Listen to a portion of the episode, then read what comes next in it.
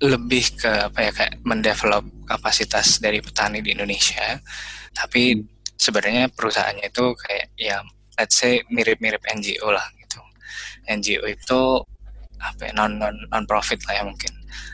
Mirip non profit tapi non profit pada umumnya dia itu kan direct biasanya. Jadi kayak apa yang dibutuhin orang dia bantu misalkan.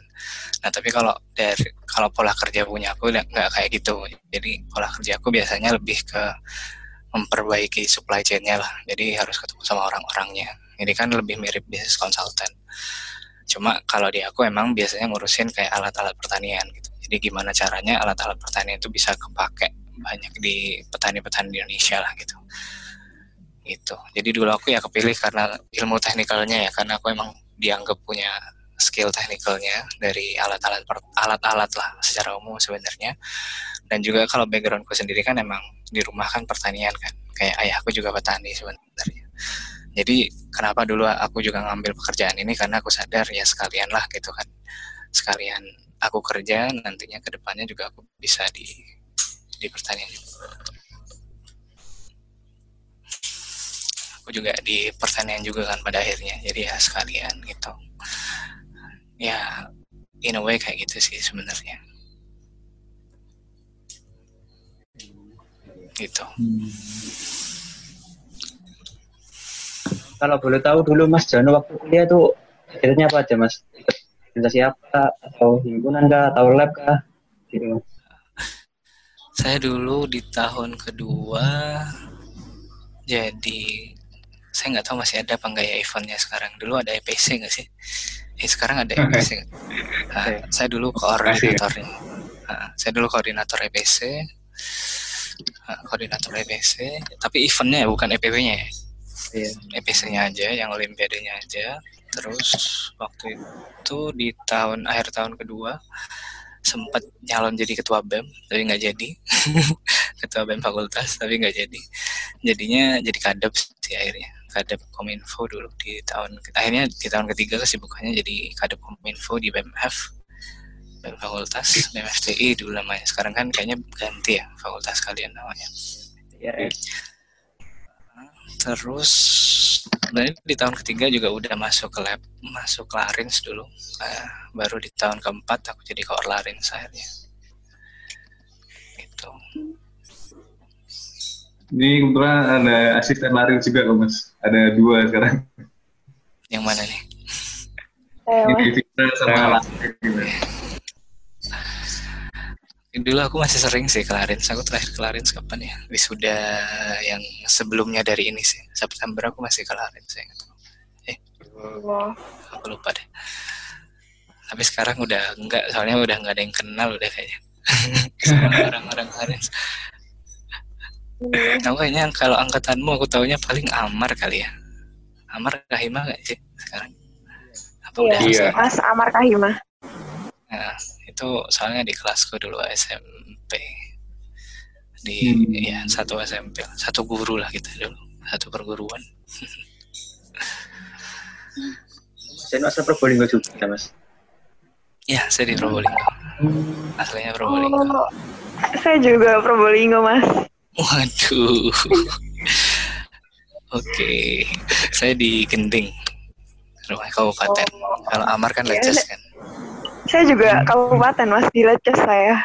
Oh di Leces dekat Amar, dekat Amar kan berarti kan Leces.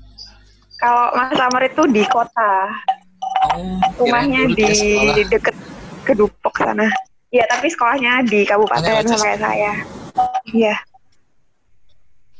Oh, kalian nggak pakai yang limited ya? Jadi Eh, aku punya sebenarnya ada akun kantor yang unlimited yang ini. Soalnya kan meeting tiap hari pakainya Zoom. Cepat cari ITS akunnya. Oke. Oke, oke. Nah, pertanyaan lain mungkin? Aku bingung kalau mau jelasin tuh mau cerita cerita apa juga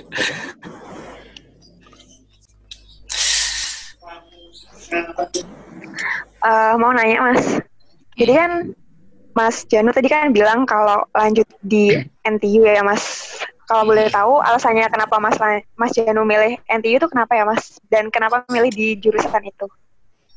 Oh, kenapa NTU ya? Sebenarnya balik sebenarnya mungkin lebih awalnya dulu mungkin lebih bagus kalau ceritanya dari kenapa kok lanjut S2 dulu kali ya. Yeah. Uh, dulu tuh lanjut S2 karena aku ngerasa kurang pinter aja sebenarnya. ngerasa kurang ilmunya aja sih. Apa ya kayak kalau di jurusan tuh kalau dari aku sendiri ngerasanya uh, di TF lah ya mungkin aku nggak tahu mungkin beda juga di zaman kalian ya. Cuma menurutku kayak ilmu kita itu jauh banget dari apa yang seharusnya di di kalian bakal kerjakan di industri sih. Menurutku ya. Aku dulu baru sadar juga waktu di kerja praktek lah. Kerja praktek tuh di tahun ketiga keempat ya kalau nggak salah. Nah di situ aku ngerasa kayak wah jauh banget bedanya antara uh, apa yang bakal kita kerjain sama apa yang udah dipelajari gitu. Walaupun secara basic ya kalian pasti udah paham lah. Jadi kayak ilmu termodinamika gitu-gitu itu pasti dipakai sebagai problem solvingnya sih pakai kepake sebenarnya. Tapi kalau kita ngomong basicnya aja kita nggak punya jadi berat juga gitu. Maksudnya kayak technical skill kita nggak cukup aja menurutku waktu itu di sana. Nah akhirnya ya aku mikir wah aku harus ambil S2 sih.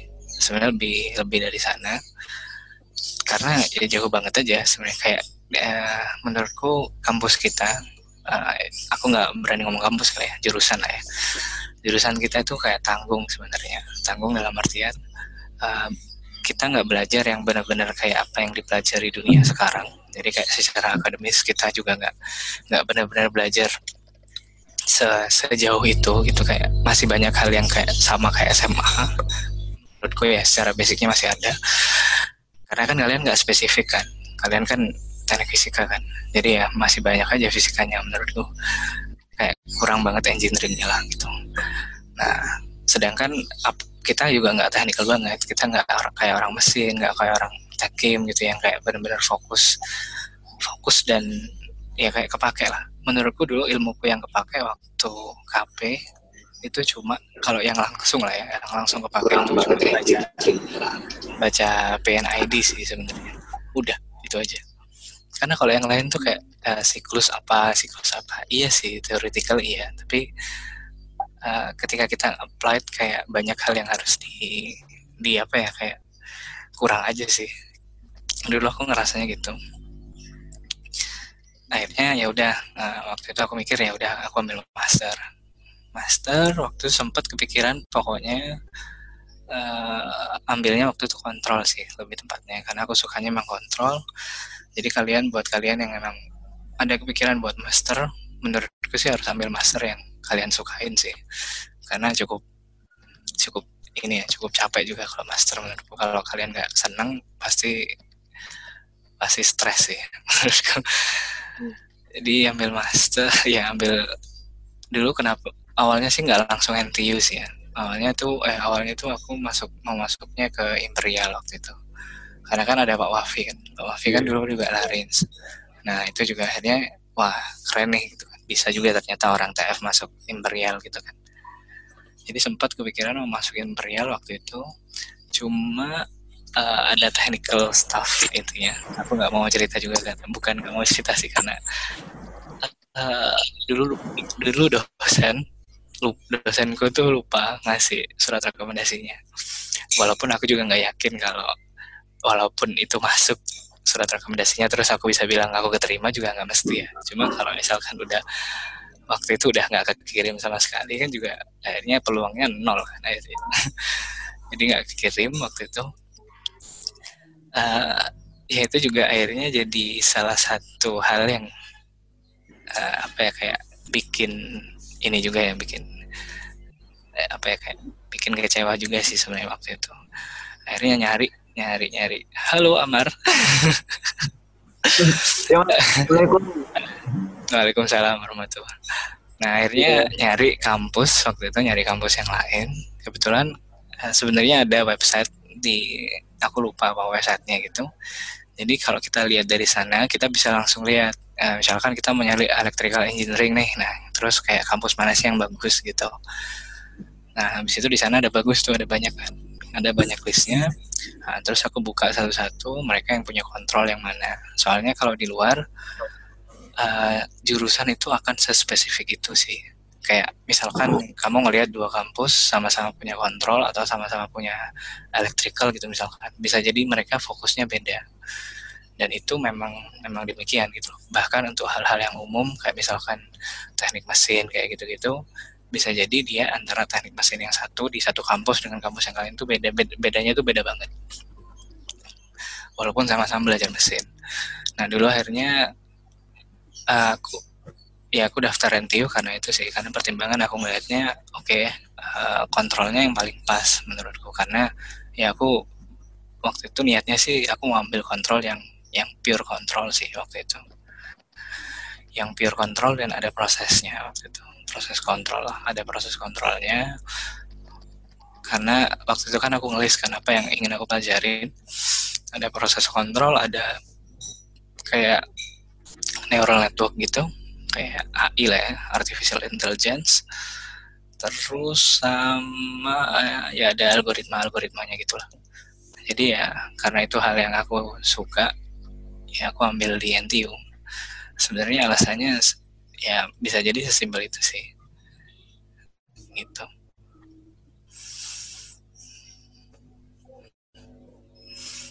Memang di TF ini kurang mas. TF ITS ini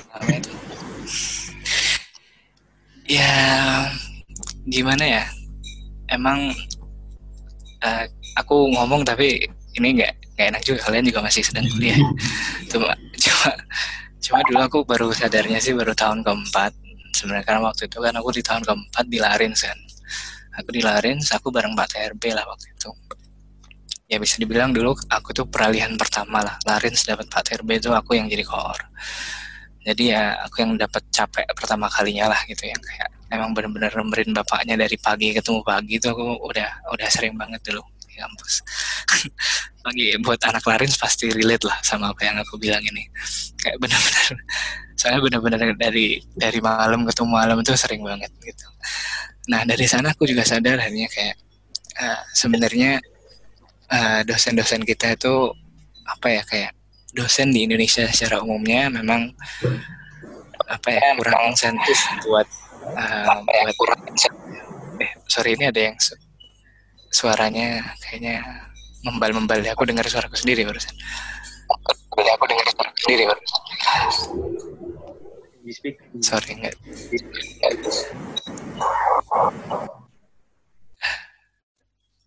Oke. Okay. nah ya kalau dosen di kam dosen kita itu memang pertama nggak jarang banget yang punya pengetahuan apa ya kayak praktisi lah. Praktisi kita kan nggak banyak kan di kampus kita, di di jurusan kita kan. Adanya Pak TRB Pak Rido mungkin ya. Terus siapa lagi ya? Nah, selain itu research kan kayaknya kan mereka. Nah itu kan banyaknya research kalau di kampus kita. Sedangkan nanti kalau udah orang mau lulus di tahun keempat, semuanya ambil instrumen semua buat jadi tugas akhir. kayak itu hal yang sering banget terjadi di kampus kita gitu. Padahal uh, kayak nggak nggak inilah kayak nggak pas gitu. Terus ngapain dibagi lima kalau ujung-ujungnya banyaknya di satu gitu. Sebenarnya bukan berarti yang lain juga peluang kerjanya juga nggak nggak nggak bagus nggak juga peluang peluang kerja yang lain juga bagus juga sebenarnya ya cuma gimana juga ya karena kita tuh uh, kalau dulu sih aku ngerasanya jurusan kita tuh ikatan alumni-nya nggak seberapa kuat bisa dibilang. Uh, ini secara umum sih ya. Jadi kayak ke mana sih orang-orang nih alumni alumninya gitu? Kenapa sih nggak ada yang ngajakin kita ngapain gitu kayaknya? Karena kalau di kampus kalau aku kan ngebandingin sama jurusan-jurusan lain ya. Kayak misalkan mesin kayak gitu-gitu. Itu udah banyak banget lah orang-orang yang kayak nggak usah ngapa-ngapain udah kerja aja gitu loh. Maksudnya udah support dari alumninya tuh gede banget. Sedangkan kita kayak kita tuh kan termasuk generasi ketiga kan di ITS jadi ya sekitar umur kita kan juga udah cukup tua kan sebenarnya. Jadi kayak ke mana aja orang-orang ini. Dulu aku juga sempat mikir gitu sih. Nah ya akhirnya ya mau nggak mau itu juga kepengaruh juga kan. Dosen-dosen kita ternyata juga bukan nggak banyak yang berkecimpung di dunia engineering juga sebelum dia balik jadi dosen. Jadi ya wajar-wajar aja sih ketika kalian kuliah banyaknya lebih ke teori dasar fisikanya sebenarnya. Bukan berarti itu nggak bagus ya, itu bagus sebenarnya. Di tahun pertama mungkin itu bagus banget. Tapi di tahun-tahun selanjutnya, I think ya yeah, you need more more spesifik aja sih, more specific knowledge lebih dari lebih dari fisika sih sebenarnya. Dan mungkin ini menurutku sih ini dan mungkin dan mungkin bisa jadi ini juga subjektif ya. Menurutku TF itu nggak nggak nggak bisa terlalu spesifik banget gitu loh. Kalian baru penjurusannya baru penjurusan aja di tahun keempat gitu loh. Jadi kayak sampai tahun ketiga ke bahkan sampai tahun ketiga pun aku masih belajar vibrastik lah, optik lah gitu kan kayak uh, this is ini bukan sesuatu yang bakal aku pengen kerja kayak nggak fokus banget gitu loh kayak semua mau dipelajarin. Ada ada hal ya harusnya harus ada fokusnya lah dikit-dikit sebenarnya. Gitu. Tanya lagi mas ya? Ya boleh boleh. Uh, kalau mau lanjut ke luar negeri itu yang siapin apa aja mas yang baru disiapin uh, yang perlu disiapin pastinya ini ya apa namanya bahasa Inggrisnya pastinya lebih ke sertifikatnya sih maksudnya TOEFL atau IELTS harus disiapin dari awal. Itu yang paling menurutku paling ini sih salah satu yang paling krusial sih sebelum kalian daftar. Karena kan kalau master itu sebenarnya tinggal daftar aja kan kalian nggak usah tes sebenarnya. Rata-rata tinggal kalian nyiapin berkasnya habis itu tinggal dikirim aja sebenarnya sebelum deadline lah asarannya sama bikin CV CV kan kalian gampang juga bikinnya. Maksudnya it's not that hard juga sebenarnya. Sama surat rekomendasi sih biasanya. Harus disiapin. Sebenarnya tapi surat rekomendasi itu juga nggak nggak sesusah itu sih. Kalian bilang ke dosen di ITF kalau kalian mau master butuh surat rekomendasi sih ya pasti dikasih kasih aja sih pasti. Terlepas dari siapa dan ini sih. Rata-rata sih pasti dikasih. Cuma biasanya uh, dosen pembimbing kalian sih yang paling pas buat ngasih sih biasanya. Karena kan yang kenal sama kalian kan di kampus. Walaupun pada akhirnya rata-rata mereka juga nggak mau nulis sendiri sih. Minta yeah. kalian sendiri yang yeah. nulis sih. Jadi ya turutin aja lah apa maunya beliau. Kalau memang mau maunya kita yang nulis ya udah kita yang nulisin. Jadi ya nggak apa-apa juga kan. Yang penting kan tujuannya tercapai itu ya itu sih. Dua itu sih. Uh, ya bahasa Inggrisnya IELTS sama TOEFL karena menurutku kalian di TF aku nggak aku nggak tahu juga ya kalau sekarang gimana. Cuma kalau dulu aku ngerasanya di TF bahasa Inggrisku juga nggak nggak kepake. Sama sekali bahkan kalau saya dibilang. Karena kita bahkan nggak punya zaman dulu ya. Zamanku dulu nggak pernah ada kayak kuliah yang pakai bahasa Inggris lah presentasi pakai bahasa Inggris lah gitu. Jadi kan nggak kepake sama sekali kan. Gitu. Jadi ya ya itu hal yang harus kalian persiapin sih. Itu terus kalau menurutku akan jauh lebih baik ketika kalian udah punya riset sebenarnya. Dalam artian bikin paper sih harusnya. Itu akan jauh jadi nilai plus banget ketika kalian mau master. Gitu. Karena kan beda mungkin beda ya kalau misalkan kerja kan lebih ke nilai pengalaman kan. Pengalaman organisasi manajemen itu akan sangat-sangat bernilai ketika kalian ketika kalian kerja. Tapi ketika kalian mau ambil master yang pasti dilihat banget itu juga gimana track record kalian di akademisi kan. Di di bidang akademis lah intinya. Jadi kalau kalian bisa punya paper satu atau dua selama kalian di kampus itu akan sangat-sangat membantu sih menurutku. Itu ya itu sih menurutku yang yang bisa dipersiapin sebenarnya. Uh, mau nanya mas.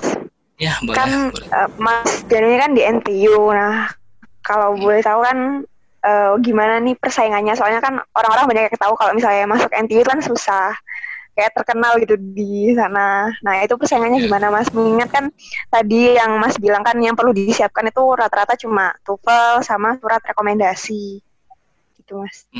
Yeah, oke oke oke. Uh, sebenarnya sih aku nggak tahu tingkat persaingannya, terus aku keterima juga kenapa kan? Pada akhirnya aku nggak tahu juga kan. Cuma kalau persaingan di dalam sih memang keras sih.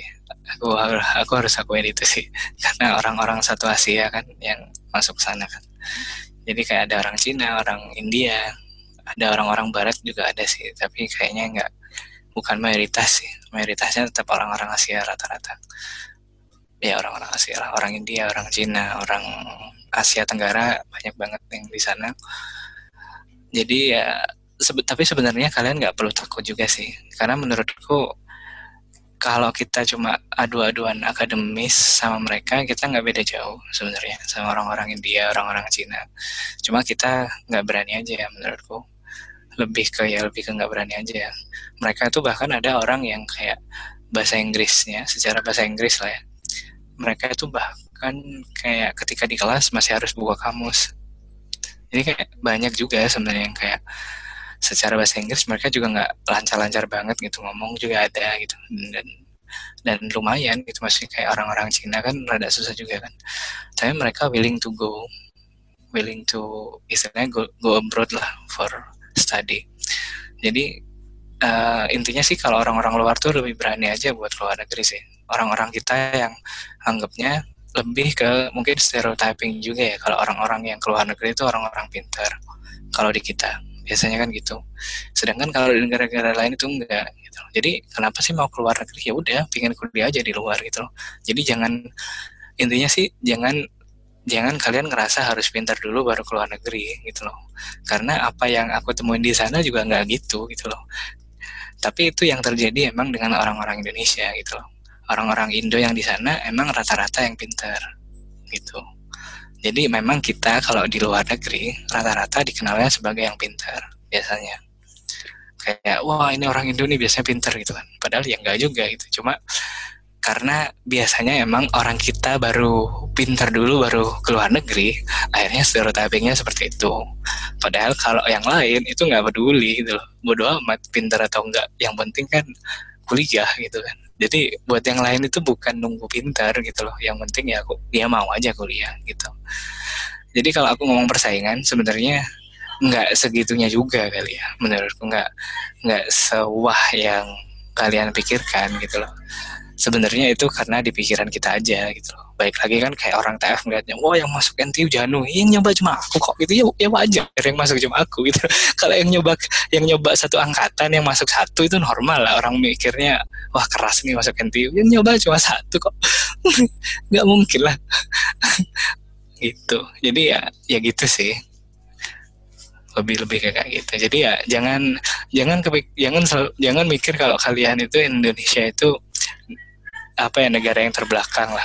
Enggak juga kok kita itu secara SDM kita tuh pinter menurutku kok. Secara ini secara apa namanya kalau kita cuma adu otak aku yakin kita bisa menang-menang aja sih sama orang-orang di luar. Itu Mas mau tanya juga mas? Ya boleh boleh. Nah, tadi teman-teman nanyanya kayak persiapan masuk terus kayak pas keadaan Mas Janu sebelum masuk ke NTU itu kayak gimana? Dari hmm. Uh, persaingan. Ini kalau saya tanyanya selama Mas di NTU sih, kira-kira mungkin lebih ke kehidupan sosialnya, kira-kira adaptasinya sama lingkungan itu susah nggak Mas? Apalagi kan teman-temannya dari berbagai macam negara gitu Mas. Secara umum sih mungkin enggak ya, karena kan budayanya di sana juga budayanya Asia ya. Maksudnya Singapura nggak beda jauh dari Indo sih menurutku. Kayak secara budaya, jadi kita juga nggak uh, karena aku juga nggak di Eropa gitu kali ya. Maksudnya kayak yang diadaptasi juga nggak banyak sebenarnya. Karena kan makanan juga mirip. Mungkin kalau di sana nggak seberapa berasa gitu aja tapi secara konsep makanannya mirip lah. Masih sama nasi gitu masih sama. Jadi uh, kalau budayanya masih budaya-budaya Asia sih stereotipnya sebenarnya. Mungkin lebih ke ketatnya aja sih. Mereka emang seambis itu mencari nilai. Hmm gitu sih tapi secara budayanya ya kayak budaya tertib gitu-gitu ya normal sih. Maksudnya kita kayak orang Indo tuh kalau di sana bisa tertib lah. Kalau di tapi kalau balik Indo nggak ada tertibnya. Tapi kalau di sana semuanya kan tertib kan. Jadi kayak uh, orang tuh nggak nyebrang sembarangan. Sesimpel nyebrang jalan aja di sana itu nggak boleh nyebrang di tempat-tempat yang nggak ada zebra crossnya sebenarnya jadi kan harus patuh. Nah sebenarnya itu juga hal yang mudah sebenarnya. Cuma kan kalau kita di sini kan nggak biasa, kayak gatel gitu, kayak ah ini kan tinggal nyebrang aja gitu kan. Tapi, tapi kalau di sana emang emang harus ke tempat-tempat tertentu gitu. Karena di tempat di zebra cross itu ketika kita nyebrang semua mobil pasti akan berhenti gitu. Tapi di tempat lain mobil nggak akan berhenti gitu. Jadi kalau uh, kalau adaptasi sih nggak seberapa ini sih ya, nggak seberapa karena marah mereka itu semuanya udah lebih apa ya lebih lebih lebih maju kan dari kita. Jadi kayak misalkan semua udah serba ngetap ngetap ya kita udah tinggal bawa kartu lah ke mana-mana gitu kan. Mau naik kereta lah naik bis lah gitu kan udah tinggal naik kartu. Dan di kampus sendiri semua udah sistemnya udah bagus. Jadi kayak misalkan ke apa ya kalau di kampus tuh uh, kayak ya kita juga punya kita kan punya kartu kan kartu apa namanya kartu mahasiswa gitu kan. Ya itu jadi kartu akses mau ke mana-mana gitu misalkan. Jadi semuanya udah lebih bagus sih. Bahkan di sana sistem administrasinya udah nggak ada yang ke TU gitu kan. Semuanya udah via online udah bisa. Jadi sebenarnya kalau ya itunya sih oke oke aja sih. At least aku nggak harus nungguin Pak Bas buat ngumpulin laporan ke HP gitu nggak usah nggak usah lama. Kan kalau segi adaptasi sih yang berat mungkin lebih ke kebiasaan belajar kali ya. Karena kalau di sana ya balik lagi karena mereka rata-rata ambisnya. Jadi kayak stereotip Asia kan stereotyping orang Asia kan memang orang kita itu kayak belajar banget kan buat nyari nilai biasanya. Stereotipingnya orang Asia itu kayak gitu. Jadi ya emang kumpulan stereotipnya emang ada di NTU gitu. Jadi kayak orang-orangnya emang kayak uh, belajar terus tiap hari. Kalau di kampus ya at least. Kayak kalau kalau dulu kan misalkan aku lewat kantin atau lewat di lab aja orang main Dota gitu kan. Di lab aja orang main PES gitu kan. Kalau kalau di sana orang di luar aja di luar kayak di luar bukan di luar ya. Di, di lingkungan kampus lah gitu ya. Tapi nggak di kelas itu aja orang ini apa namanya bukannya buka presentasi lah dengerin lah dengerin dengerin kuliah lagi kayak gitu. Nah itu juga cukup akhirnya bikin pressure juga kan. Karena ya jangankan membuka game gitu kan buka YouTube aja aku sungkan gitu loh yang lain nggak ada yang buka YouTube. Ya ya mungkin itu aja sih kayaknya yang yang cukup berat. Karena kayak pace pace belajarnya itu tinggi sih juga kalau di sana. Jadi kayak emang uh, kayak ketika dosennya bilang uh, di mata kuliah ini kita akan nyelesain satu buku ini gitu misalkan. Jadi dia akan nyelesain itu semua satu buku sih. Jadi ya harus ngikutin juga kan. Uh, itu soalnya ya mungkin adaptasinya kan dari di TS dulu kan. Di TS dulu kayaknya aku mikirnya nggak nggak harus sebanyak itu deh belajarnya gitu kan. Ternyata di sini segila itu harusnya gitu terus ya kalau budaya sih kayaknya nggak ada budaya cuaca karena kan mirip juga kan. Budaya cuaca ya masih sejauh ini sih nggak nggak ada sesuatu yang jauh banget lah gitu. Gitu sih. Oke mungkin ada lagi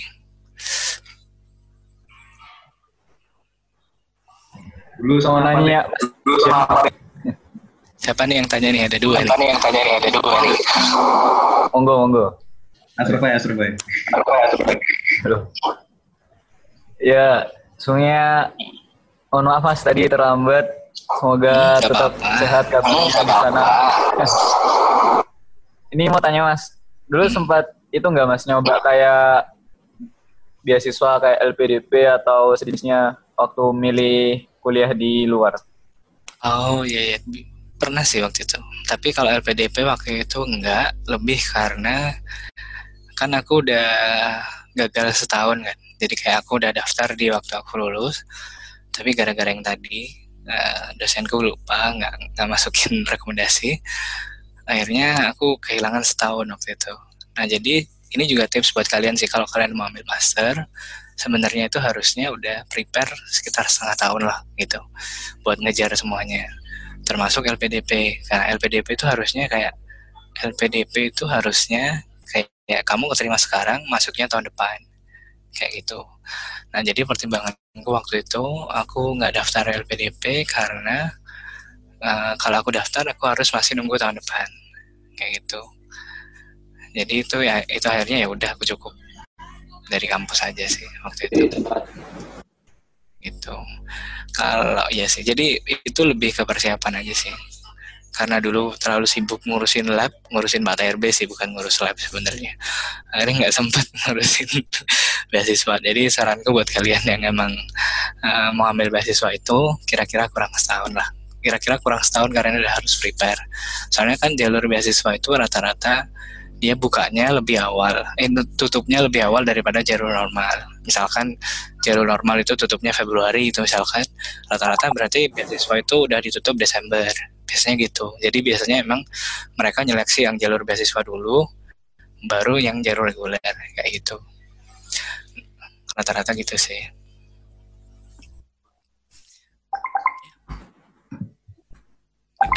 dulu sama Pak TRB gimana mas? Kenapa itu? Apanya kenapa tuh? Ya sampai terus ngurusin Pak TRB gitu. Karena dulu bener-bener uh, beliau itu pertama kali ngurus lab dulu. Oh. Jadi benar-benar kayak yang kayak ngurus orang di di lab gitu itu orang kan kaget kan. Dulu Arins tuh nggak se apa ya dosen dulu itu di lab eh dulu itu lab yang jalan secara penelitiannya itu nggak banyak seingatku cuma bah cuma fibrastik kali ya. Karena ada Pak Dani sebenarnya. Selain itu nggak pasif gitu loh yang lain tuh sebenarnya. Paling yang rada ada ya mungkin optik lah. Optik mungkin ada ada energi mungkin ada lah. Satu dua ada karena masih ada Pak Rido sama Pak Gun. Terus selain itu nggak ada sebenarnya. Eh ya nggak ada. Bahan lah bahan-bahan juga ada lah sebenarnya. Jadi dulu dulu Larins itu terlepas dari instrumen adalah bidang minat yang dipilih terbanyak.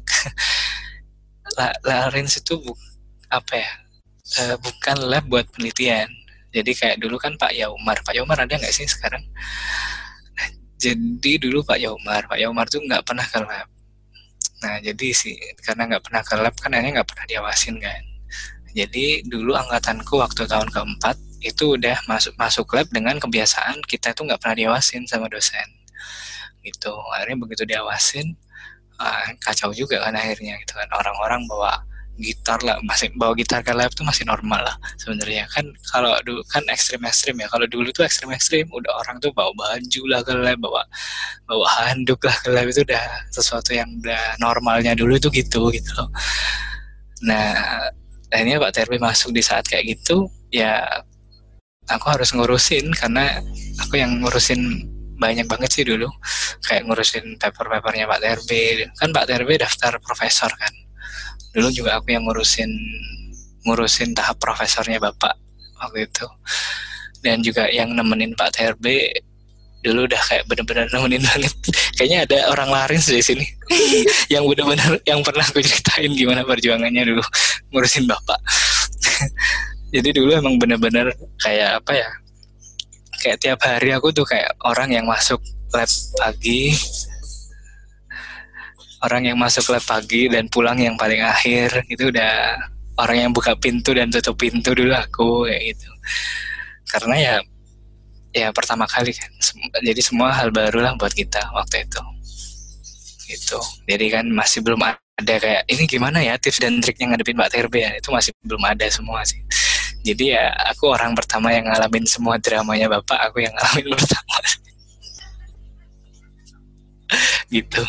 Dosen kita menurutku sih dosen di Indo itu ini banget ya apa ya sebutannya ya demanding banget ya menurutku dibandingin dosen nah, dosenku di NTU ya. Dosen di NTU itu benar-benar profesional aja sih tapi ya mungkin beda juga kali ya. Karena kalau dosen di luar negeri itu dia emang pekerjaan utamanya peneliti uh, baru dia side istilahnya pekerjaan sampingannya ngajar. Kalau di kita kan kebalik kan. Intinya ngajar penelitiannya nggak ada yang ngerjain.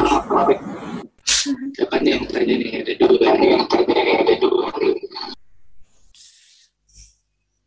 ya ada yang lain lagi? Ada yang uh, tanya? permisi mas. Izin bertanya. Ya, ya, ya. boleh boleh. Kan dari cerita mas sendiri TF itu agak nanggung mas Iya. Dan seumpama saya pengen lanjut nih mas, tapi belum tahu keahlian, arah mau kerja di mana, nanti spesifikasinya ke mana, masih belum tahu. Kira-kira aman nggak mas? Kalau gambling ambil jurusan yang sekiranya minat gitu mas? Eh, nggak nggak apa-apa juga sih sebenarnya. Cuma akan jauh lebih baik ketika kamu udah punya rencana sih. Karena apa ya? eh sebenarnya kerjaanku sekarang itu di luar rencana sebenarnya. Karena juga aku dulu mikir gimana caranya, eh, bagaimana caranya aku kembali dari orang yang ngurusin teknologi buat ngurusin pertanian di rumah. Ya kebetulan ada jembatannya aja, jadi kerjaanku sekarang. Cuma dulu aku juga udah siap-siap sebenarnya. Jadi kayak oh ya aku bakal jadi ahli kontrol, aku bakal jadi spesialisasi di sini, kerjaannya ini. Dan karena itu akan jauh lebih membantu, jauh lebih membantu gitu sih. Apa ya intinya eh sekarang bahkan sebenarnya dari sekarang orang yang sebenarnya di tahun pertama di TF itu harusnya udah udah siap kalian mau kerjanya apa sebenarnya ya. Jadi kalian udah harus kenapa? Karena ketika kalian udah tahu kalian mau jadi apa, entah itu kerja, maksudnya at least bidang lah gitu ya.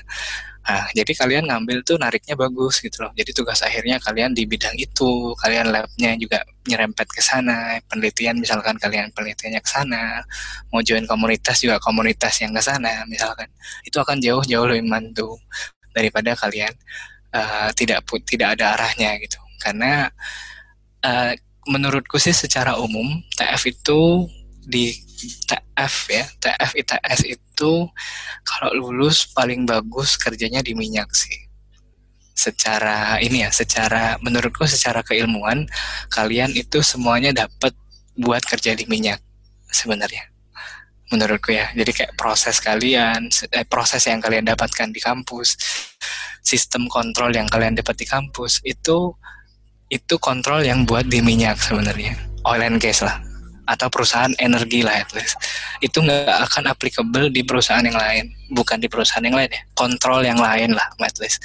Jadi kan ini kalau aku ngeliat dari sisi kontrol ya kontrol itu banyak banget sebenarnya. Nah terus TF bilang kita ahli kontrol. Sebenarnya TF itu bukan ahli kontrol TF itu ahli proses kontrol kayak gitu. Nah jadi dari dari yang dipelajarin aja sebenarnya kalian sebenarnya spesifik. Cuma orang tuh kadang mikirnya kita general. Enggak kalian spesifik sebenarnya. Cuma spesifik banget masuknya ke minyak. Jadi kayak ilmu ilmu kita itu kalau misalkan di PLTU gitu ya itu jarang banget sebenarnya kepakainya. Bukan karena ya itu tadi karena kalian sebenarnya banyak yang kalian pelajari itu sebenarnya lebih cocok buat diterapin di minyak sebenarnya. Dari dasar kayak uh, blok diagram pengendalian. Itu bukan diagram kalau kalau dari aku ya yang udah belajar di NTU itu bukan diagram blok pengendalian. Itu diagram blok proses kontrol sebenarnya. Bukan pengendalian. Sebenarnya pengendalian tuh banyak banget. Dan itu bukan bloknya sebenarnya. Jadi bloknya bukan kayak gitu. Lebih umum lagi sih. Gitu.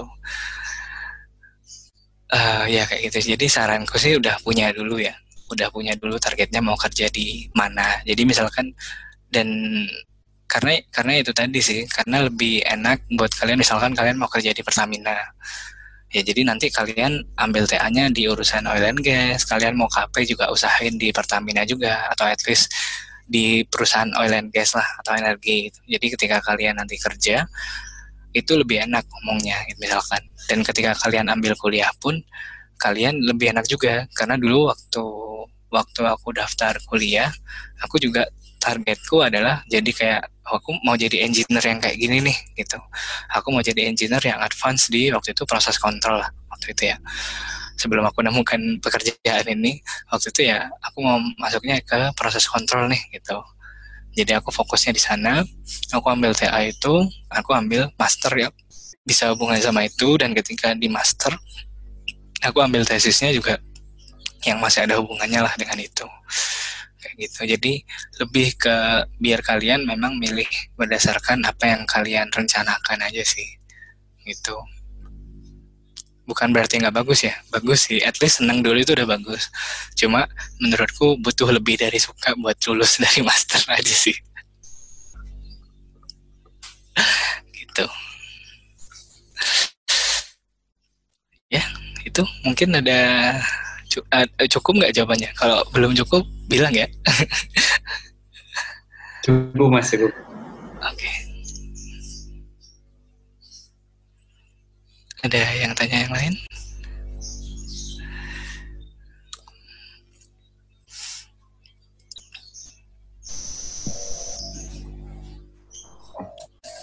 Mas mau tanya mas, Ya boleh boleh.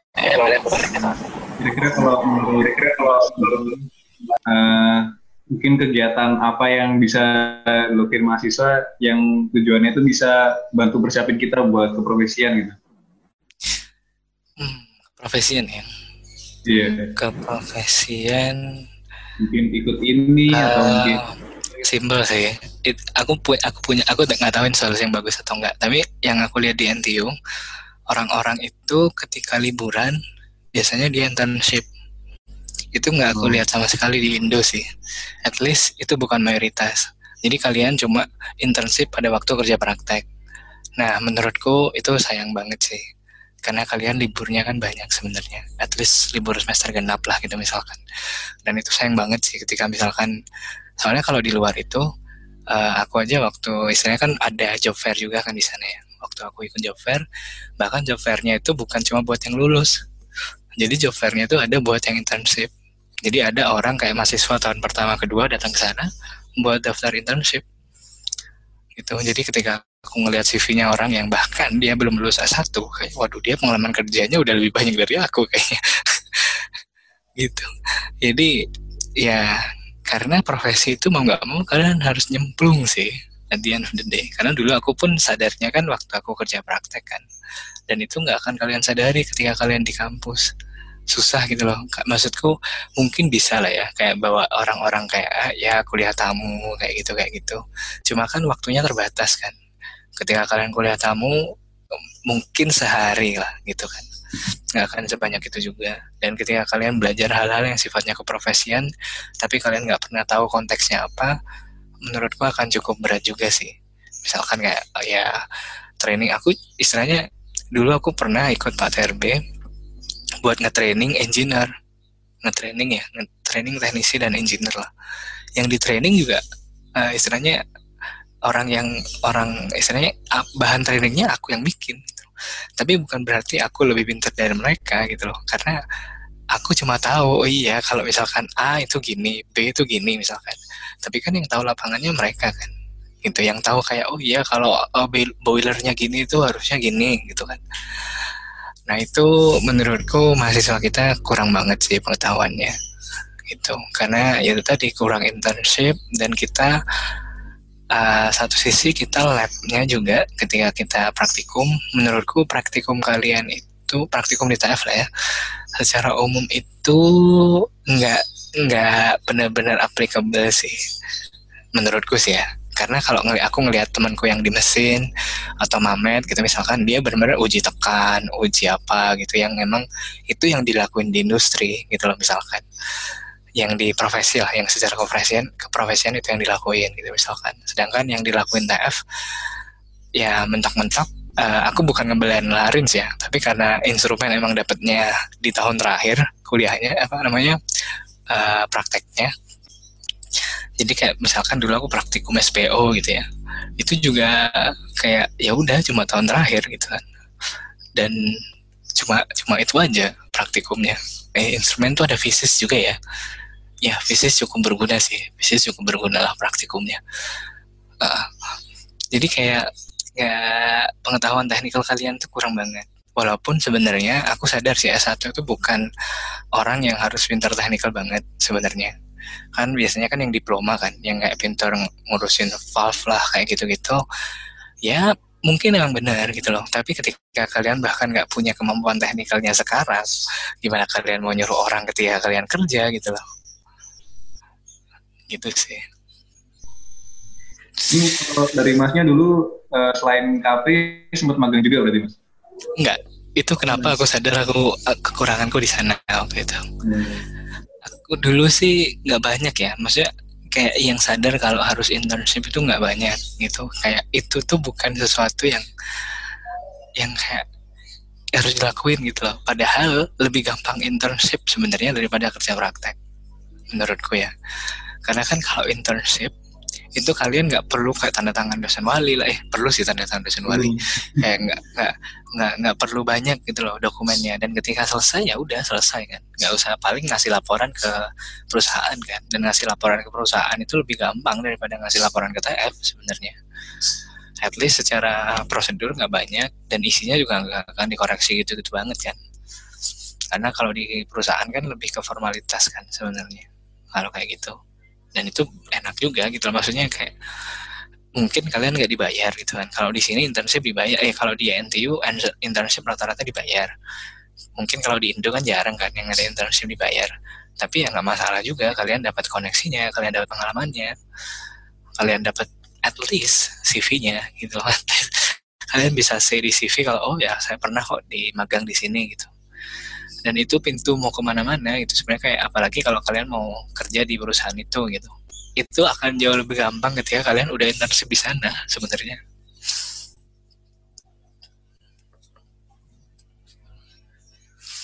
Gitu. Hmm.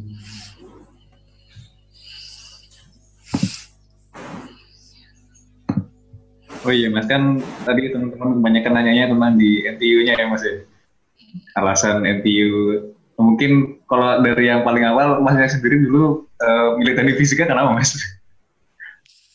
Oh, ini nih juga masih oh, dulu aku milih teknik, teknik fisika karena aku bosan ngeliat teknik yang lain sih.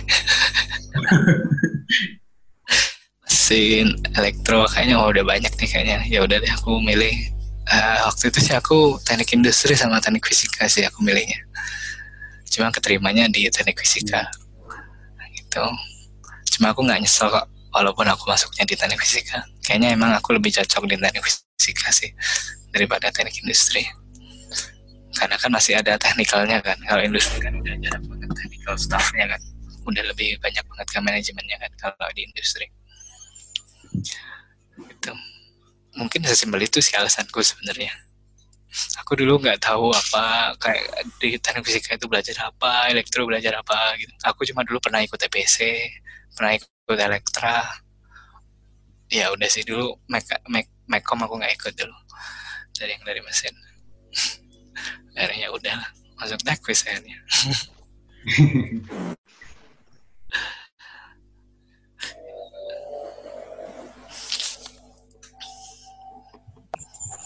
mau nanya Mas Janu. Ya boleh boleh. Ya boleh boleh. Kalau mungkin itu Mas bisa diceritain apa kegiatan pengembangan diri kalau di luar itu seperti apa atau di kan kebanyakan kegiatannya kegiatan mahasiswaan kayak yang BM atau mungkin paling palingnya kayak apa student chapter gitu. Nah kalau di luar itu kira-kira seperti apa gitu ya? Kalau hal-hal yang berkaitan sama pengembangan diri. Iya, Baik iya, yang untuk profesian ataupun yang untuk profesian. Kalau di luar itu sebenarnya kalau yang keprofesian lebih ke hal-hal yang sifatnya resmi sih. Maksudnya kayak student chapter ya tapi lebih ke kayak udah langsung dari triple E gitu-gitu. Jadi kalau di luar tuh aku nggak tahu di yang di yang lain sih. Cuma kalau misalkan di NTU itu nggak ada kayak himpunan, BEM, adanya cuma yang tingkat tingkat pusat lah kayak tingkat NTU-nya aja sih. Cuma ada student unionnya aja. Terus kalau di kampus masing-masing jurusan rata-rata punya itu tadi student chapter lah at least di masing-masing kayak lab kadang bahkan sampai level lab sih biasanya Iya, jadi emang bener-bener murni buat uh, akademis lah. Maksudnya bukan akademisi jadi dosen ya, maksudnya kayak entah keprofesian atau akademisi kan sama, mirip kan sebenarnya dari segi itunya. Jadi kalau dari segi pengembangan mahasiswa antara itu, antara yang emang benar-benar sifatnya keprofesian atau yang emang dia sifatnya hobi biasanya. Jadi kayak kayak UKM lah gitu kali ya. Kayak UKM, itu terus nah kalau di NTU itu kan semuanya rata-rata di asrama kan tinggalnya kan itu kadang ada organisasi di asramanya biasanya. Nah, rata-rata ya rata-rata asrama karena asramanya banyak banget di di, di NTU gitu. Jadi ya ya kayaknya pengembangan mahasiswanya lebih gitu sih. Soalnya mereka emang kalau menurutku sih udah jauh lebih mandiri ya. Maksudnya kayak mahasiswa kalau di luar itu udah udah menganggap dia dia adalah tanggung jawab dia sendiri sebenarnya jadi kayak uh, sangat jarang banget ketika kita ngelihat kalau di kampus kan kalau aku ngeliat di TS kan kita yang maksudnya entah itu HMTF atau BEM biasanya yang berusaha buat ngembangin mahasiswanya kayak gitu kan nah kalau di luar itu emang kayak emang dari mereka sendiri yang sadar kalau dia butuh apa gitu Nah, dan tapi memang satu sisi pilihannya banyak sih. Kayak pilihan, oh ya aku mau ngembangin ini nih gitu. Jadi dia tinggal milih. Jadi kayak lebih ke arah UKM sih jatuhnya. Kayak UKM, ya kayak UKM UKM gitu sih. Jadi kayak yang mau belajar kepemimpinan, ya ada klubnya. Ada klub yang kayak klub apa sih kayak uh, klub-klub yang isinya buat biasanya public speaking mereka tiap minggu ketemu buat public speaking nah itu ada jadi lebih ke arah komunitas-komunitas sih jatuhnya bukan ada satu organisasi yang ingin uh, yang biasanya kayak, yang dilakuin di TS lah yang dilakuin di yang dilakuin di kampus lah di TS kalau di TS kan kita yang berusaha ngembangin warganya kan. Kalau di sini emang dari si lebih ke keaktifan dari ininya sih. Jadi kalau misalkan dia emang nggak dia emang nggak mau ngapa-ngapain ya dia nggak akan dia nggak akan ngapa-ngapain sebenarnya kalau di sini. Kalau emang dia mau kuliah pulang kuliah pulang aja ya rata-rata ya kuliah pulang kuliah pulang aja. Jatuhnya dianya. Gitu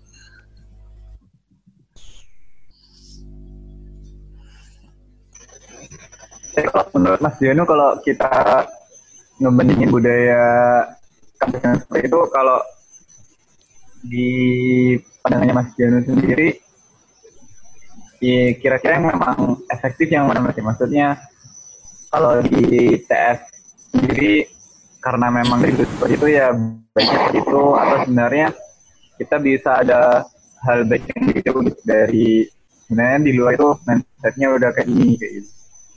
Oh iya, iya. iya. oh iya. iya.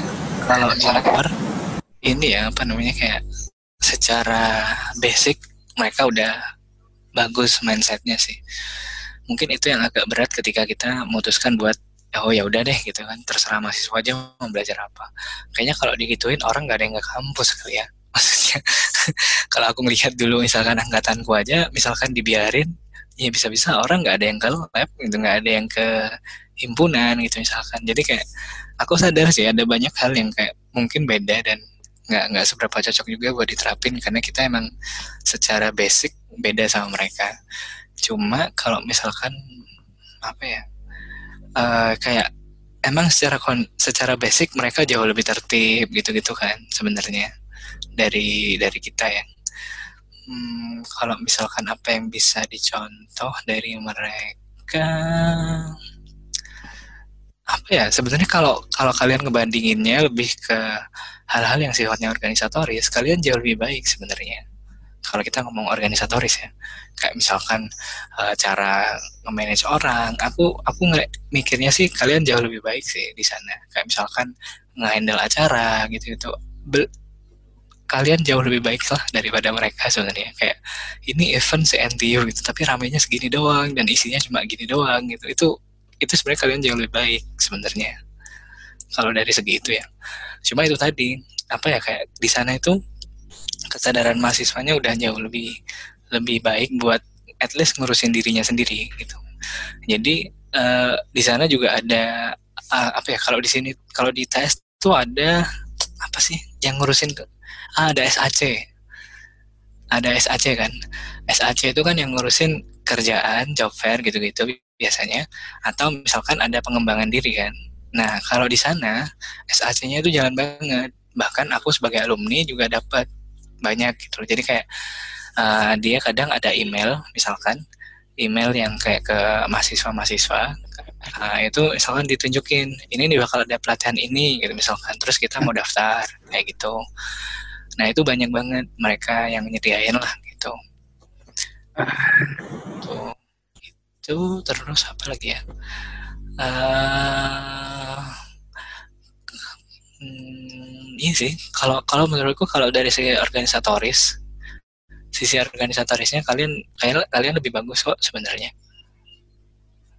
Kalau pengembangan diri secara manajemen gitu-gitu ya kalian kalian udah lebih bagus. Cuma mereka ya satu sisi mereka juga internship juga kan. Jadi ya mereka juga ngerasain dunia luar juga. Hmm, terus apa lagi ya pengembangan diri.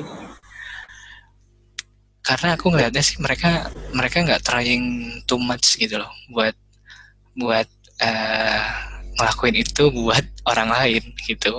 Maksudnya kalau di TF kan kayaknya karena aku juga pernah ada di posisi itu ya aku juga pernah di posisi orang-orang yang ngurusin orang lain lah gitu ya. Ngurusin orang lain kayak di kampus jadi di di BEM dulu aku kan di BEM fakultas. Uh, aku sadar juga sih ketika kita itu kayak ya udah kita bikin acara ini gitu kan buat meningkatkan awareness apa gitu kan buat meningkatkan ini apa gitu. Menurutku kita ter, kita ngelakuin hal yang kayak yang maksain banget gitu loh. Warganya ayo datang warga banget. Di sana tuh orang nggak usah ngajak bahkan gitu loh tinggal sebar email orang udah mau datang gitu. Jadi aku nggak yakin kalau kalian cuma sekedar nge-share di nge-share di Instagram gitu kali ya kayak oh bakal ada acara ini gitu ya. Cuma ya udah yang datang datang yang nggak mau nggak usah gitu. Aku yakin nggak banyak yang datang soalnya. Kecuali emang benar-benar aku juga bingung juga sih kenapa nih ya kali ya ya mungkin itu dulu sih. Ada yang ini Mar ditanggapin Mar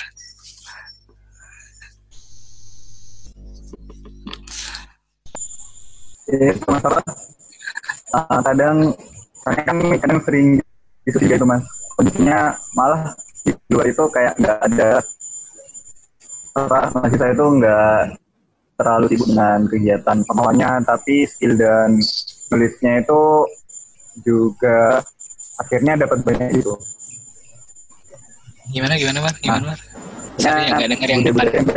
gimana mas yang nggak dengar yang depan Oh, jadi kayak kadang sering diskusi tentang sebenarnya apa kegiatan mahasiswa itu kalau mungkin di CS atau di TF atau di Indonesia sudah umum kan mas ya?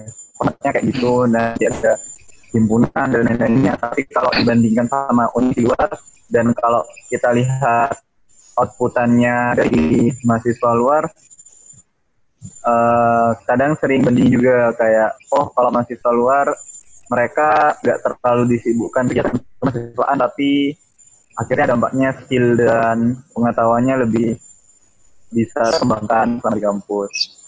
Dan ngelihat kondisinya sekarang kan mahasiswa kayaknya lebih banyak keperluan di hal itunya apalagi persaingan kita kan juga ke depannya bakal sama mahasiswa yang dari luar kan di Indonesia aja sih. Ya ya ya. Ya, I get their point sih ya. Ya, I get their point. Menurutku, ya pasti pasti pada akhirnya kalian akan ini sih ada akan akan berubah merubah budaya sih bahkan menurutku nantinya. Kalau aku ngelihat ya soalnya dari zamanku ke zamanku zaman kalian aja kayaknya udah jauh banget kan perubahannya.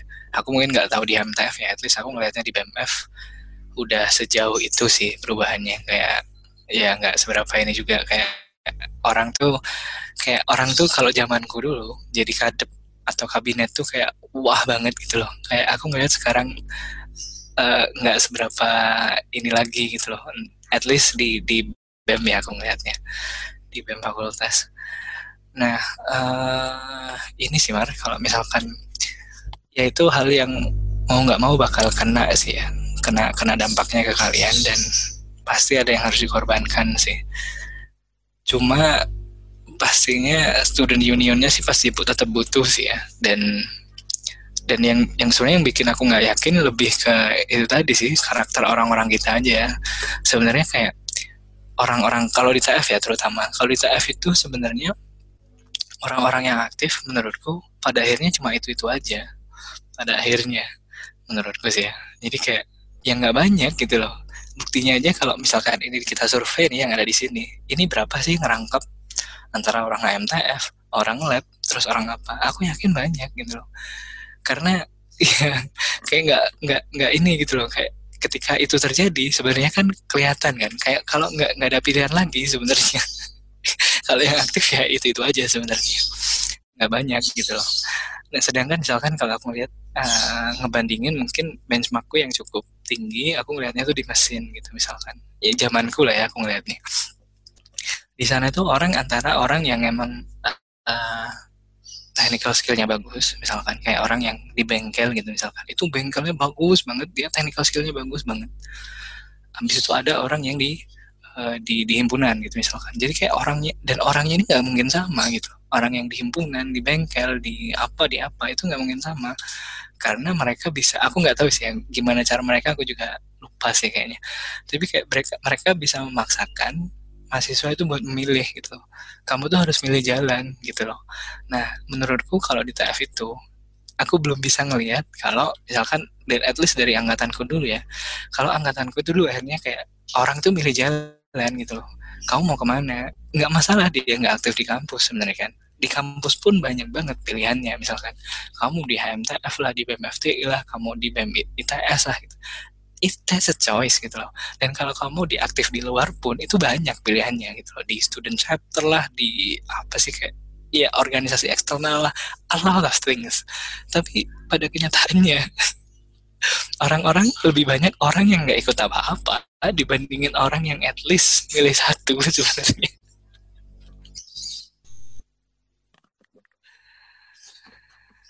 Ya, at least zamanku begitu ya. Semoga zaman kalian jauh, jauh lebih baik lah. Gitu.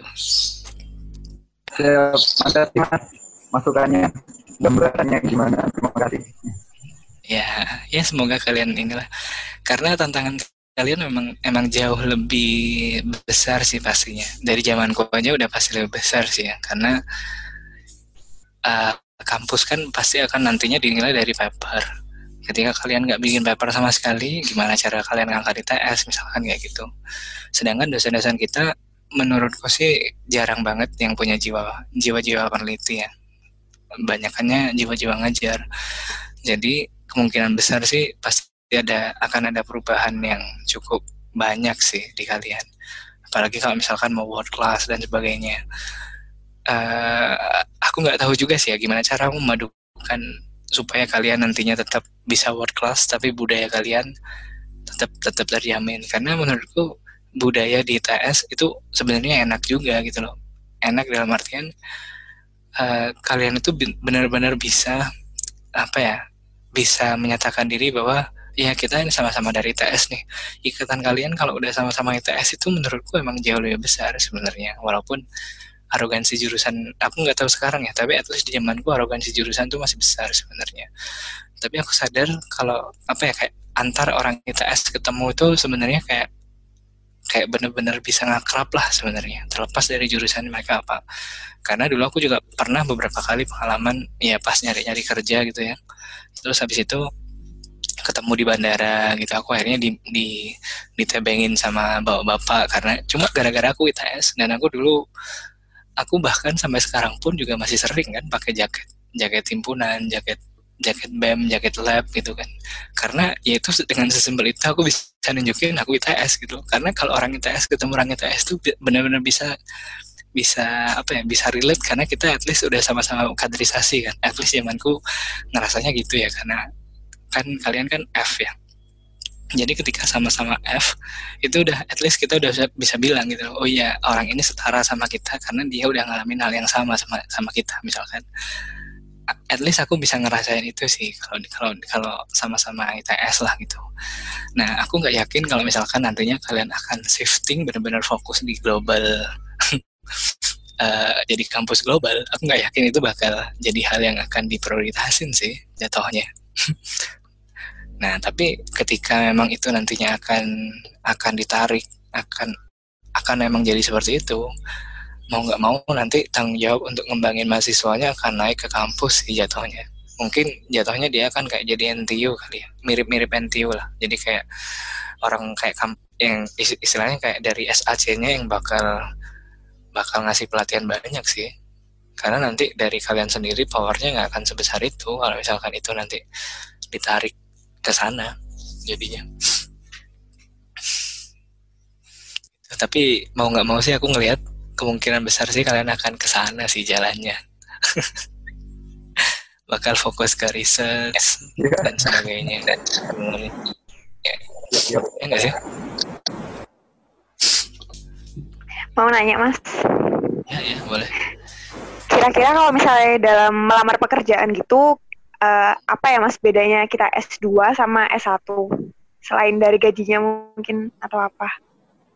ya itu mungkin salah ini juga salah satu hal yang harus kalian pertimbangkan juga sih sebelum kalian S2 karena menurutku kalau S2 di Indo itu kita nggak seberapa banyak dilihat bedanya sebenarnya nah itu saya sih dulu dulu aku akhirnya tetap mutusin buat aku S2 karena ya udahlah aku, aku pengen S2 tapi resikonya emang eh, apalagi kalau eh, apa ya kayak itu kenapa juga aku akhirnya maksa harus di luar gitu. Karena kalau sama-sama di Indo menurutku ya aku nggak bilang S2 di Indo jelek ya. Tapi menurutku kayak tanggung aja. Karena perusahaan di kita tidak melihat rata-rata tidak melihat itu sebagai satu nilai plus sebenarnya. Kalau aku ngelihat soalnya kalau di luar kalau misalkan pas aku di NTU orang yang ambil master itu masternya dianggap pengalaman kerja sebenarnya. Nah kalau di kita kan dianggap pengalaman belajar gitu. Jadi kalau di luar master atau PhD itu dianggap pengalaman kerja. Jadi orang kalau misalkan eh, misalkan ada nih oh pengalaman lima tahun di bidangnya. Nah kalau orang yang biasanya kalau ngelamar di luar itu dihitung dari masternya sebenarnya. Dari dia master itu dihitung wah, pengalaman kerja ini dari dia master.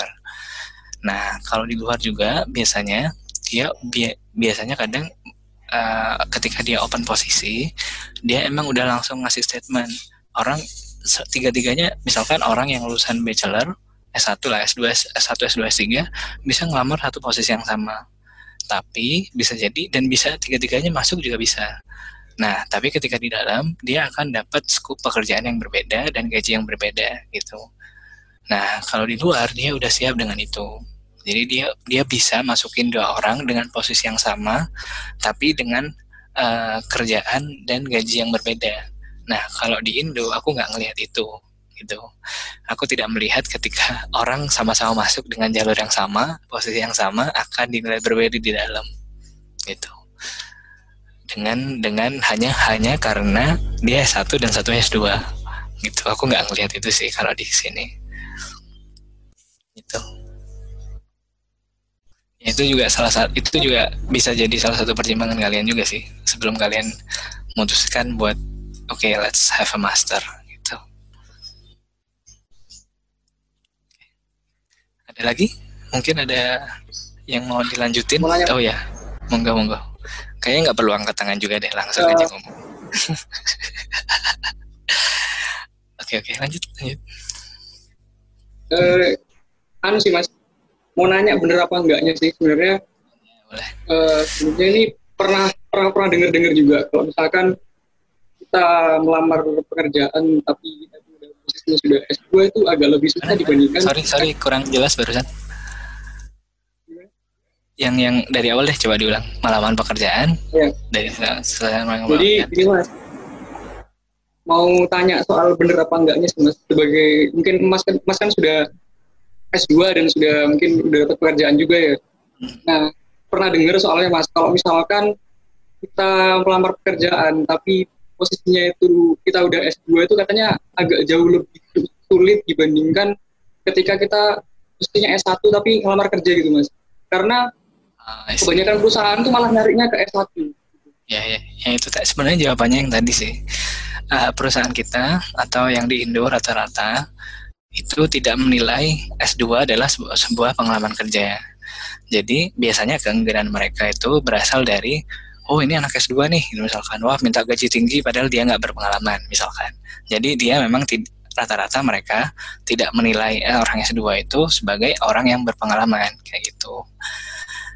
Nah, ya sebenarnya bisa dibilang ya bisa dibilang enggak sih sebenarnya. Jadi ada emang ada yang ya emang ada yang tapi juga enggak semua. Karena kalau di tempatku enggak sih. Di tempatku enggak sih. Rata-rata ya disamain aja sih kayak di disamain lah sama S1 antara S1 sama S2 tapi satu sisi emang atasanku per, ini di Fed-nya Australia kementeriannya Australia. Jadi mungkin cukup beda juga kali ya. Cuma rata-rata emang rumor itu memang ada tapi bisa nyebut benar atau enggak menurutku pasti pada dasarnya nantinya dia bakal subjektif sih sebenarnya. Jadi ketika kalian emang wawancara dan kalian bisa nunjukin kalian worth it buat dianggap S2 dan masuk menurutku sih oke-oke aja ya sebenarnya cuma kalau misalkan kalian emang nggak bisa nunjukin apa bedanya S1 sama S2 nah terus gimana gimana cara buat si perusahaan ngenilai kalau kalian beda sama S1 gitu itu sih Makasih. Hmm. Soalnya kan yang jadi pertimbangan juga buat kadang-kadang kebanyakan orang kan ya itu tadi sih S1 sama S2 kan takutnya pas ketika kita sudah berjuang yeah, di S2 yeah. tapi gitu lagi. Jadi uh, ya ini juga sih yang mungkin kalau S2 di luar itu jalurnya emang nggak jalurnya nggak cuma satu. Dalam artian kalau di kita kan kalian cuma taunya master kan. Makanya ya udah orang S2 S2 aja. Nah kalau di luar itu S2 ada dua jenis. Dia ada namanya coursework sama ada namanya uh, research nah orang yang dia ambilnya coursework biasanya gini bedanya itu orang yang ambilnya coursework itu biasanya orang yang bakal kerja. Itu jadi ketika coursework dia cuma uh, belajar aja. Dia nggak ngelakuin research biasanya. Jadi dia cuma murni belajar di kelas kayak kalian biasanya kuliah lah gitu kalau mau ambil tesis ya ada tapi tesisnya nggak nggak sesusah orang yang emang research. Nah orang yang emang ambil research biasanya dia nggak ada kelasnya. Ada kelas pun cuma kayak misalkan metodologi penelitian kayak gitu hal-hal yang umum tapi mereka lebih banyak di lab. Nah kalau di luar itu biasanya orang yang bakal lanjut S3 itu ambilnya research dulu waktu S2 jadi diambil S2 research terus diambil PhD Nah, ketika jalurnya yang lain, coursework, dia akan kerja gitu. Nah, karena emang udah kalau di luar kan udah ada dua tuh. Nah, jadi orang yang dianggapnya oh ya nih udah udah udah S2 kan S2-nya juga S2 kerja kan. Jadi ekspektasi dari perusahaannya juga udah jelas. Nah, kalau di kita memang S2 di kita itu memang kayak aku ngelihatnya sih double gitu loh. S2-nya masih kalian ke kelas, di kelas dan belajar di kelas habis itu kalian masih harus bikin paper jadi kayak berat banget sebenarnya kalau kalian S2 di Indo itu. Karena kalian harus ngelakuin dua-duanya gitu. Nah kalau pertimbangannya sebenarnya S2 itu nggak nggak melulu harus langsung S2 sih sebenarnya. Jadi kalian juga bisa sebenarnya ya udah kerja dulu aja. Kerja dulu. Banyak kok aku sekarang di tempatku yang sekarang banyak orang yang ya udah uh, resign dulu habis itu dia ambil kerja. Dia dia lanjut kuliah gitu jadi kayak ya udah kalian kerja dua tiga tahun habis itu sambil cari-cari uh, cari-cari kuliah habis itu kuliah. Kayak gitu. Nah tapi sayangnya rata-rata orang yang kerja di orang di engineering lah ya aku bisa bilang. Itu kalau udah kena duit udah males banget mau belajar lagi. Itu sih hal yang harus kalian siasati. Maksudnya kerja dulu itu nggak masalah nggak ada masalah dengan itu. Kalau misalkan kalian memang mau niat S2 gitu. Jadi banyak juga kok banyak banget. Jadi S2 itu aku dulu termasuk orang yang kayak ngapain sih sosokan S2 gitu kan. Masih umur segini udah mau S2 gitu kan. Soalnya dulu teman-temanku banyak kok yang udah jauh lebih tua sebenarnya. Umur 30 40 juga ada yang S2 gitu. Jadi jangan khawatir gitu. Jadi S2 itu nggak mesti langsung juga sebenarnya. Kerja dulu pun bisa kerjalah setahun dua tahun habis itu ambil S2 karena kan enak juga kan setelah itu. Kalian mau S2 juga enak kalian keluar dari sana juga udah ada bekalnya juga sebenarnya. Gitu. Gini mas. Uh, pesan buat kita sebagai mahasiswa ini apa mas? Depannya pesan buat uh, cari pengalaman sebanyak-banyaknya sih pada akhirnya. Cari pengalaman sebanyak-banyaknya cobalah keluar uh, maksudnya ya uh, tiap dari kalian pasti punya cara masing-masing sih ya buat nunjukin diri buat buat keluarnya gimana. Entah itu kalian mau internship lah entah itu kalian mau lomba lah entah itu kalian mau ikut pelatihan-pelatihan yang kepemimpinan kayak gitu that's fine gitu. Anything works. Tapi ya harus harus dicoba sih karena mumpung kuliah mumpung kalian masih bisa salah gitu kan. Masih kuliah dan masih bisa salah jadi ya dimanfaatin sih gitu. Jadi jangan santai-santai kuliah aja menurutku sih gitu. Ya kegiatannya bebas lah kalian mau ngapain. Tapi jangan sampai waktu kalian cuma habis cuma mikirin buat kuliah mata kuliah lah at least. Jangan jangan cuma habis di sana sih. Jadi ya silahkan cari pengalaman sebanyak banyaknya jadi apa pun bebas. Maksudnya nggak nggak ada nggak ada best practice-nya lah buat yang mana yang harusnya dilakuin itu tetap tergantung dari kalian mau ngapain ke depannya. Jadi ya ya itu. Cari cari pengalaman sebanyak banyaknya cari ilmu sebanyak banyaknya cari koneksi sebanyak banyaknya ke kampus lain ke jurusan lain. Buka buka mata kalian bahwa TF ya kalian harus kalian mau jadi apa di luar gitu.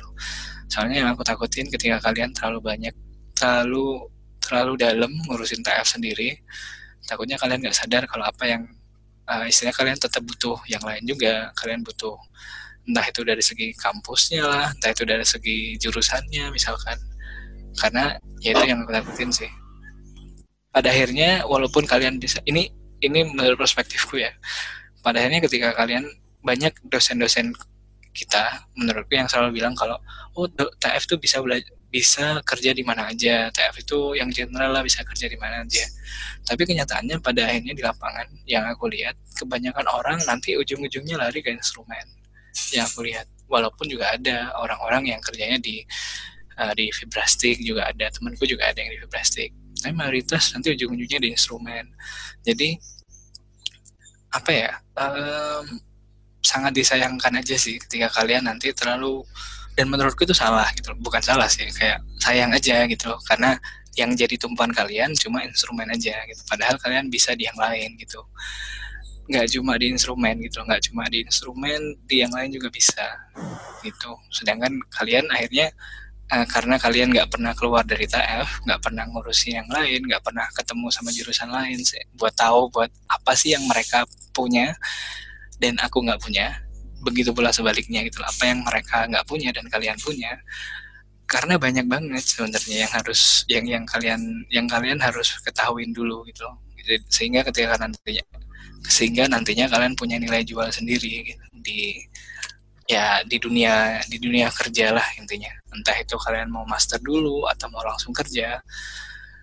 Nah rata-rata kalau aku ngelihat dari teman-teman gue sendiri sih kayak ngelihatnya ya TF itu instrumen gitu no we're more than that sebenarnya. Tapi ketika kalian cuma ngelihatnya di TF dan ngelihatnya cuma oh cuma instrumen nih yang menjanjikan gitu kan. Karena karena dari track record emang banyaknya kita di instrumen gitu loh. Padahal ya kalian bisa juga kerja di yang lain. Jadi kayak apa yang dibilangin dosen dulu uh, itu banyak yang akhirnya nggak kejadian gitu loh. Ketika dulu dosen-dosen bilangnya kalian bisa kerja di tekim di elektro misalkan di di di mesin gitu ya. Karena kenyataannya tidak juga. Karena kalian tidak tahu apa yang dibutuhkan untuk bekerja di sana. gitu. Jadi ya ya kalian harus coba sih. Harus harus coba keluar lah buat buat tahu gitu kayak itu tadi sih nilai positif kalian apa. Nilai kalian apa, nilai mereka apa. Itu. Ada yang mau tanya lagi? Mas mau nanya mas. Ya boleh boleh. Uh, apakah kalau ngambil S2 itu di bidang manajerial itu bikin apa istilahnya nambah nilai plus apa malah nambah susah kerja mas kan kita S1 teknik S2-nya misalnya ya, ya. manajemen apa gitu. Iya ya oke oke. Nah biasanya kalau yang aku lihat ada dua jenis orang yang ngambil manajemen biasanya.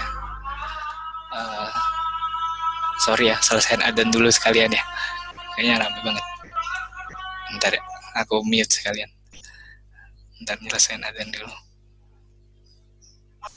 oke hmm, bentar tadi apa pertanyaannya aku lupa uh, kalau sorry, sorry. S2 S2-nya itu manajerial gitu. Oh, manajemen. Ya ya ya. Jadi gini, kalau yang aku lihat sekarang orang tuh ambil manajemen ada dua ada dua ada dua golongan lah orang yang ambil manajemen tuh. Jadi ad, kalau dari temenku sih ya uh, jadi yang pertama dia yang emang mau usaha. Jadi dia emang mau entrepreneur biasanya sekalian ambil S2 manajemen. Jadi dia sambil kuliah dia sambil bikin usaha di Surabaya. Ada berapa gitu temanku terus sambil ambil manajemen entah itu di UNEL lah entah itu di TS uh, that's fine lah sebenarnya. Nah kalau selain itu biasanya jalur yang lain golongan yang lain lah ya biasanya itu sekalian dulu kerja dulu misalkan 4-5 tahun baru ambil manajemen. Jadi biasanya itu dianggap ya ketika dia baru butuh itu ketika dia udah di tahap manajerial lah kayak gitu. Dia di tahap istilahnya di hierarki yang manajerial nah dia baru ambil sekalian ambil master yang di manajerial gitu. Dan seingatku sih kalau misalkan S2 yang manajerial aku nggak tahu kalau di Indo ya. Tapi kalau di luar rata-rata itu mensyaratkan uh, pengalaman kerja sih biasanya. Kalau misalkan MBA gitu ya. MBA itu rata-rata rata eh, rata-rata minta kita udah punya pengalaman kerja rata-rata minimal lima tahun biasanya. Baru bisa masuk ke MBA gitu. Kalau di kita sih kalau di Indonesia nggak tahu ya. Mungkin bisa masuk masuk aja kali ya. Tapi kalau di luar rata-rata dianggapnya gitu. Jadi dianggapnya butuh pengalaman bu, kalau orang nge-shift ya nge-shift shifting dari bidang lain ke manajerial buat masternya itu rata-rata dianggapnya harus butuh pengalaman kerja dulu biasanya gitu kalau di luar. Gitu. Jadi kalau ada nilai plusnya sih pasti ada. Tapi aku belum melihat ada case-nya at least di angkatanku yang dia langsung pindah eh bukan pindah uh, dia langsung pindah ke manajerial S2-nya tanpa dia kalau misalkan dia bukan seorang entrepreneur gitu. Kalau entrepreneur kan dia emang langsung terapin itu ke ke tempat dia kan sebenarnya. Gitu. Ya. Si mas mungkin udah cukup ya dari teman-teman ya gimana gimana kayaknya udah cukup sih mas dari teman-teman oke okay. Mungkin dari Mas Danu mau ada tambahan lagi?